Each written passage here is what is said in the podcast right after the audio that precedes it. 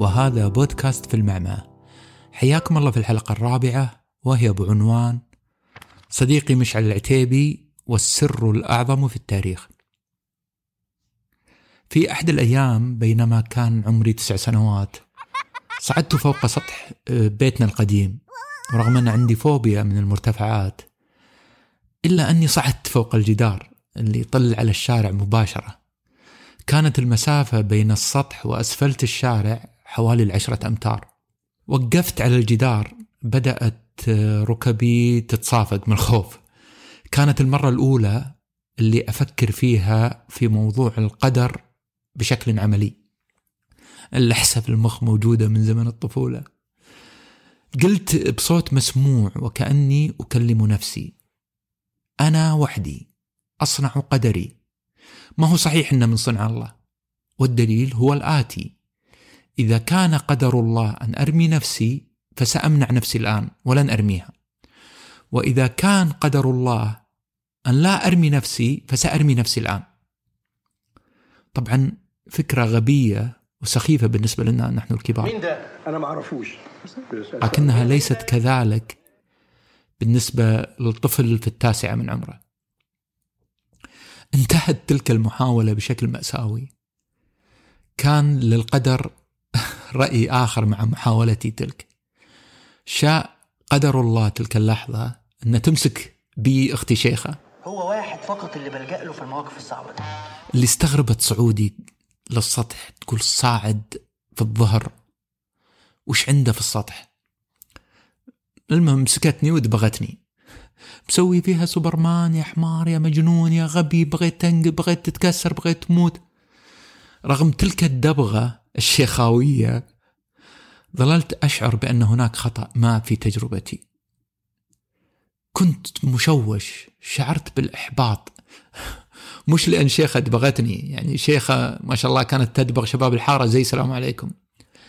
لكن إحباطي كان لأن الدبغة كانت ببلاش من دون أن أصل إلى نتيجة وجواب من تلك التجربة. ظليت أفكر لأيام. وأنا من طفولتي إلى اليوم من السهل أنها تستهويني فكرة آكل وأشرب عليها وأفصفصها. المهم وصلت في النهاية إلى جواب مرضي أراحني لبعض الوقت. اكتشفت بعد سنين طويلة أنه الجواب الصحيح وهو أن أي خيار نهائي كنت سأختاره سواء رميت نفسي أو بقيت سيكون هو قدري وأن الله كان يعلم ما الذي سأختاره؟ وهذا بالضبط ما قصده فاروق هذه الأمة عمر بن الخطاب رضي الله عنه. حين قرر بعد استشارة الصحابة أن لا يذهب إلى الشام مع من معه من الصحابة والجند. بعد انتشار طاعون عمواس طبعا. قال له أبو عبيدة بن الجراح رضي الله عنه أتفر من قدر الله يا أمير المؤمنين؟ قال له عمر لو كان غيرك قالها يا أبا عبيدة. طبعا عمر مستنكر شلون شخص بحجم حكمة أبو عبيدة يقول مثل هالكلام. ثم قال عمر مقولته الخالدة التي تدل على حكمة بالغة وسرعة بديهة حاضرة متقدة وهي الشاهد من كلامنا. نفر من قدر الله إلى قدر الله. القدر هو سر الله. والله هو اللطيف الخبير. وسعت حكمته ورحمته ولطفه كل شيء.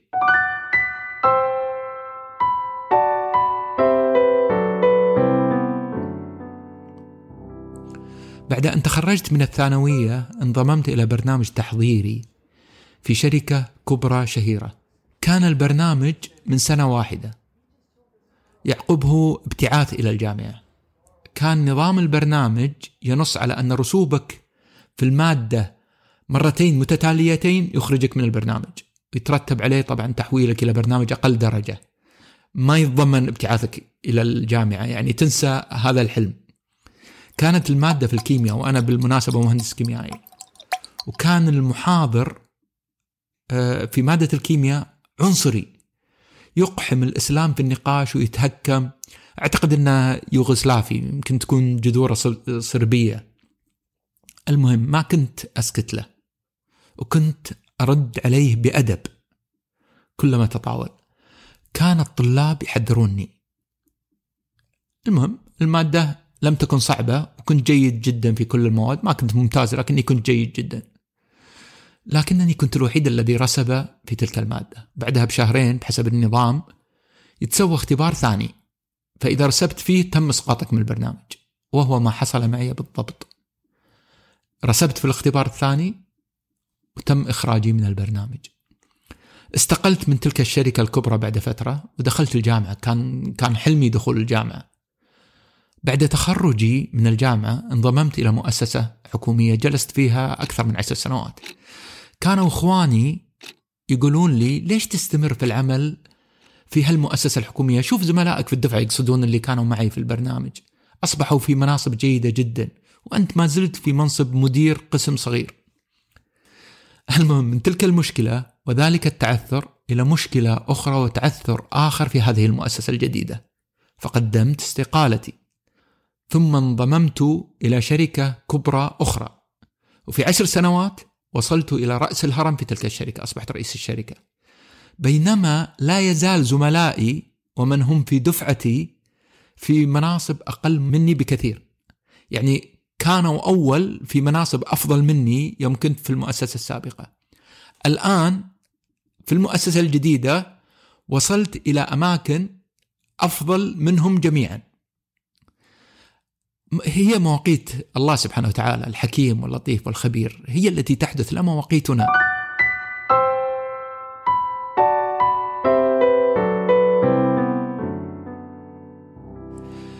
لقد كانت كل حوادث الفشل والإحباط والألم في حياتي بمثابة تحويلات إجبارية إلى نجاحات أكبر لم أكن أحلم بعشر معشارها لا تدري لعل الله يحدث بعد ذلك أمرا. أحببت ذكر القصة السابقة حتى لا أعتمد على قالوا ويقولون ولا يعني حدثت معي قصص كثيرة. ممكن في يوم من الأيام أجمعها في كتاب إن شاء الله. القصص في موضوع القدر كثيرة. أه سأسرد لكم سردا سريعا بعض هذه القصص. أولها طبعا قصة رمزية مشهورة. أكيد أن يعني منكم من قرأ أو سمع عن هذه القصص لكن من باب وذكر فإن الذكرى تنفع المؤمنين. هذا شخص نجا من غرق سفينة مات كل من فيها إلا هو. سبح حتى وصل إلى جزيرة غير مأهولة. عاش فيها خايف من وحوشها الضارية. فقرر بناء كوخ صغير في أعلى الجبل. طبعا بعد ما جلس ستة شهور يتخشش من الوحوش الضارية يتخشش في الكهوف في الجحور حتى ما تاكله الوحوش الضارية. قضى ستة أشهر في هذا البناء. ولما انتهى وأكمل البنيان وأراد أن يبيت ليلته الأولى كان طبعا فرح مسرور جدا. لكن كان للقدر رأي آخر. فجأة بدأت الغيوم السوداء تملأ السماء وبدأت الأمطار تهطل بدأت الصواعق تضرب بدأ الرعد يزلزل المكان. ضربت صاعقة كوخه الصغير فاحترق الكوخ عن آخره رغم محاولاته لإطفاء النار. انقلب فرح هذا المسكين إلى حزن وأخذ يبكي بحرقة. أمله الوحيد انتهى إلى كومة من الرماد. جلس أمام كوخة لساعات مستسلم لقدره. خائر القوة كما نقول. بدأ يسمع أصوات الوحوش الضارية تقترب. من دون أن يحرك ذلك فيه أي شيء. باعها يعني مثل ما نقول. كان يائس وينتظر الموت. لكن وبينما كان يطالع في البحر فجأة رأى قوارب صغيرة تأتي باتجاه الجزيرة. ما صدق عيونه مستحيل. كان يعتقد أنها هلاوس بسبب بسبب يعني يأسة وإحباطه. الجزيرة ما كانت في طريق السفن عشان كذا كان يقول مستحيل. لكنها كانت قوارب حقيقية. وصلت القوارب وأخذوه معهم. وفي الطريق للسفينة سألهم إيش اللي جابكم؟ قالوا رأينا نارا في أعلى الجبل.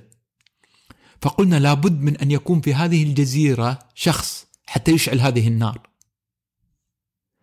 سبحان الله شوف النار اللي ظن أن فيها هلاكة ونهايته كان فيها نجاته وعسى أن تكرهوا شيئا وهو خير لكم.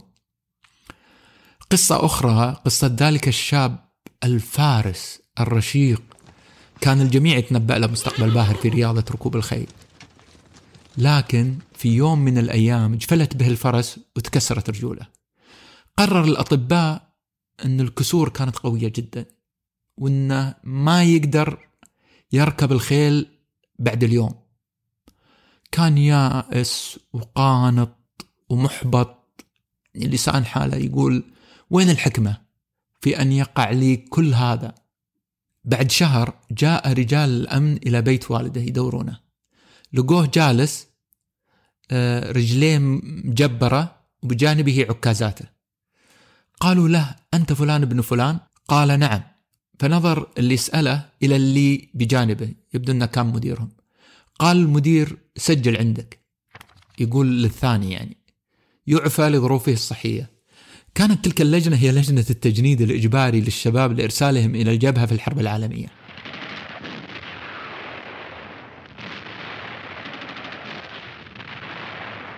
مات جميع شباب القرية في الحرب. ونجا هو لوحده. وعاد فيما بعد إلى ركوب الخيل. عجيبة القصة الثالثة أعتقد أن الكثير منكم قرأها. هي حدثت قبل شهور قليلة. كتبت عنها الصحف والمواقع وكالات الأنباء. هذا مصطاف سائح مقدوني. جرفته التيارات المائية القوية. قبالة ساحل كازاندرا هذا ساحل في اليونان. جرفته طوال 18 ساعة وبعد ما خارت قواه وكاد أن يغرق تفاجأ بكرة صغيرة تصل إليه فتشبث بها حتى وجدوه بعد ساعات طويلة ونجا سبحان الله. هذه الكورة فقدها ولدان قبل عشرة أيام كانوا يلعبون على شاطئ يبعد تقريبا 80 ميل من مكانه اللي اللي لقوه فيه. إنا كل شيء خلقناه بقدر. لا تقلق فما أصابك لم يكن ليخطئك وما أخطأك لم يكن ليصيبك.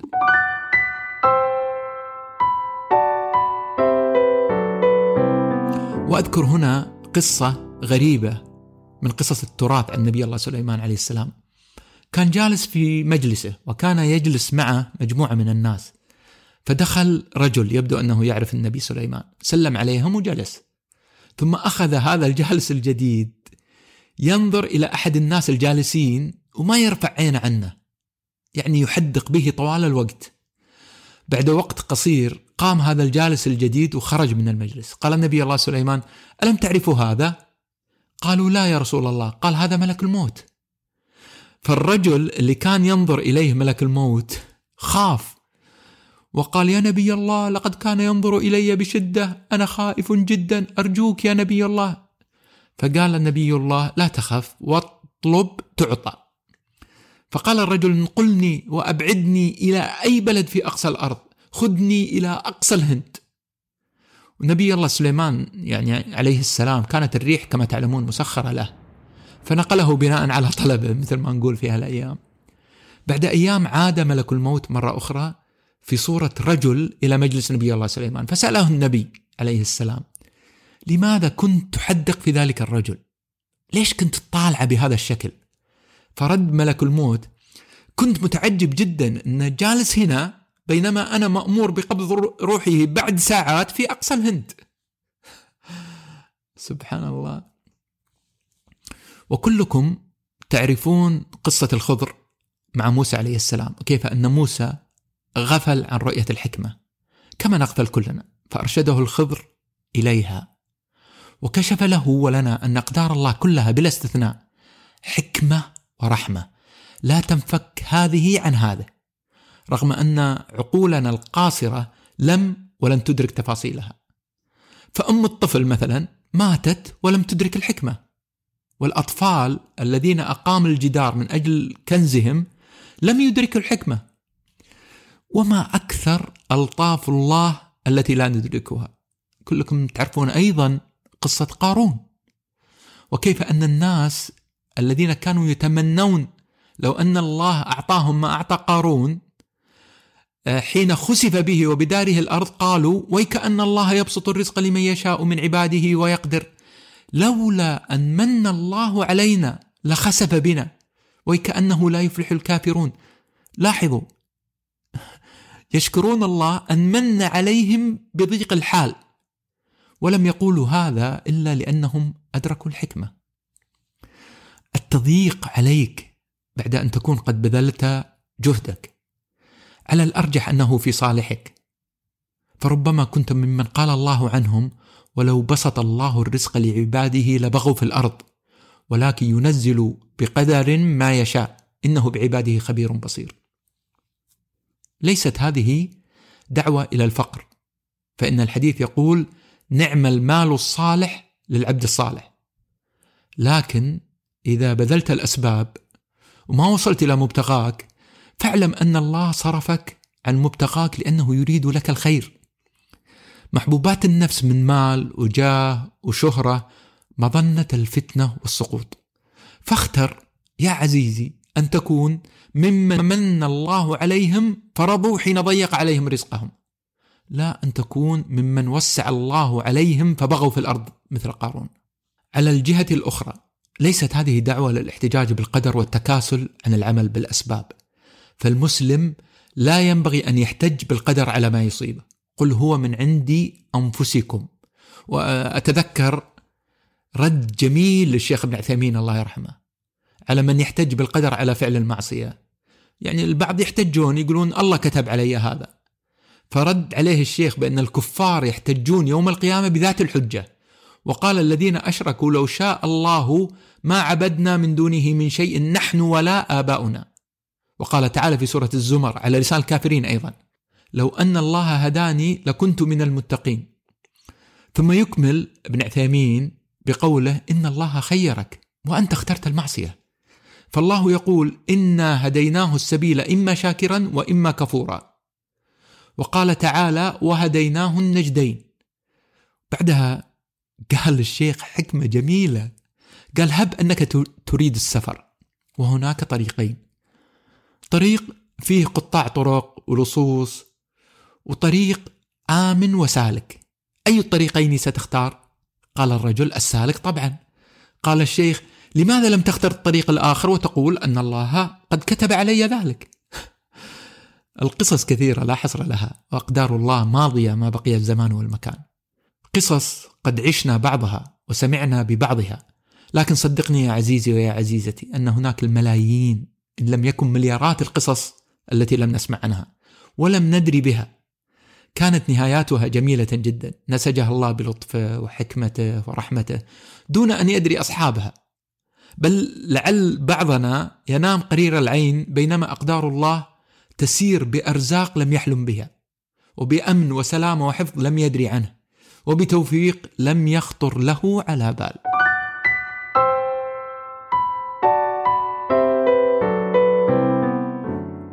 نأتي الآن إلى الجزء المعتاد في كل حلقة. الحقائق والقواعد الراسخة التي ينبغي علينا أخذها في الاعتبار فيما يخص موضوع القدر. ذلك السر العظيم في التاريخ.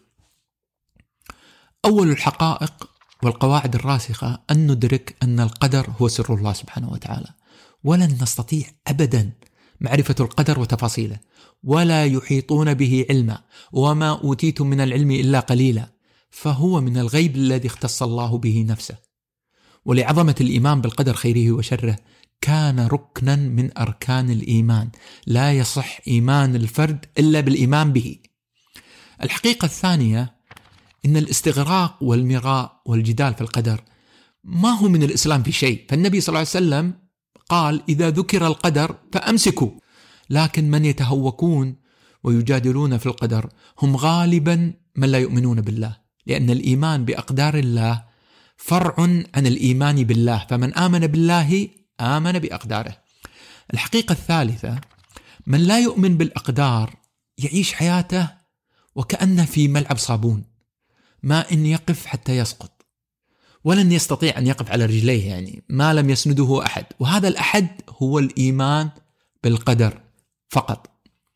رابع الحقائق لو وضع الله لك كل تفاصيل حياتك وأقدارها وطلب منك أن تختار لنفسك القدر الذي تريد. صدقني لن تختار أفضل مما اختاره الله لك. إنه الله الأرحم بنا من أنفسنا وآبائنا وأمهاتنا وأولادنا. الحقيقة الخامسة إن كل ما يكتبه الله سبحانه وتعالى خير حتى وإن بدا لنا أنه شر. فإنما ذلك لضعف إدراكنا وعدم قدرتنا على الإحاطة بالحكمة الإلهية. حتى ترى فيما يخص الموت. اعتدت أن أقول وهذا ممكن يبدو لكم غريب بعض الشيء. دائما أقول إن كل من يموت فإنما يموت في الوقت المناسب والأصلح له. فالله الحكيم العليم هو الذي اختار له هذا الوقت. ولا يصدر عن الله سبحانه وتعالى شيء إلا وهو خير لعباده. ولكن أكثر الناس لا يعلمون. نعم إن الفقد موجع. لكن تذكر إن فقدت عزيزا أنه رحل في التوقيت الأكمل وأنه لو كان لي يختار موعد رحيله لما أختار إلا هذا التوقيت. الحقيقة السادسة ليس ثمة إجبار سواء على الطاعة أو المعصية. ولو كان هناك إجبار ما كان في ثواب أو عقاب. كيف يعاقبك الله على شيء أجبرك عليه؟ فالله هو العدل البر الرحيم. سابع الحقائق المعجزات ما زالت تحدث لكنها تخفى علينا. وما دمنا نتكلم عن المعجزات. أنا أنا للأمانة أعجب ممن يرى في صنع البشر للطائرات التي تطير في السماء معجزة ولا يراها في خلق الله للطيور. إنها لا تعمل أبصار ولكن تعمل القلوب التي في الصدور. اللهم عرفنا وعلمنا وأرنا آياتك في الآفاق وفي أنفسنا. الحقيقة الثامنة والأخيرة يجب أن تبرمج عقلك على فكرة لعله خير. هذا التسليم المطلق هو الحل. وهو ما يأتي بالرضا الذي هو أعلى درجة من الصبر. وحين يأتي الرضا فلا تسأل بعدها عن حياتك وحالك فلأنك رضيت بأقداره فسيعطيك الله حتى ترضى. فالنبي صلى الله عليه وسلم يقول فمن رضي فله الرضا ومن سخط فله السخط. في النهاية أقول أعلم بأن هذا الموضوع تحول إلى موضوع ديني بحت. لكن موضوع القدر ترى بالفعل هو موضوع ديني وإيماني بحت. لا نستطيع الحديث عنه وفق نظريات أو فلسفات فهو ركن من أركان الإيمان. ورغم أني أنا من المؤمنين بعدم تعارض العقل والنقل إلا أني أؤمن أيضا أن لا إسلام بلا انقياد وتسليم ورضا بالقدر فالإسلام هو الاستسلام لله بالتوحيد والانقياد له بالطاعة والخلوص من الشرك وهذا ما تعلمناه من طفولتنا إلى اليوم. يقول ابن الجوزي رحمه الله ولو أن عين الفهم زال عنها غشاء العشاء لرأت المسبب لا الأسباب والمقدر لا الأقدار فصبرت على بلائه إيثارا لما يريد ومن ها هنا ينشأ الرضا. وقبل ما تقولون أي شيء أدري أنه صعب جدا لكنني أعلم أيضا أن الصبر بالتصبر والحلم بالتحلم والعلم بالتعلم. أقول هذا في ذكرى صديقي مشعل العتيبي رحمه الله الذي توفي حين كنا في السنة الثالثة الابتدائي بعد أن سقط في بئر في قريتهم في أحد أيام الإجازة الصيفية. ما فهمت وقتها معنى أن يموت أحد في هذا العمر وبسبب جهلي هذا صعدت فوق الجدار حين كنت في التاسعة بحثا عن الحكمة ولم أزل حتى اليوم أصعد ذات الجدار بحثا عن الحكمة كلما حصل أمر عظيم. أقول قولي هذا وأستغفر الله لي ولكم. قوموا إلى حياتكم يرحمكم الله.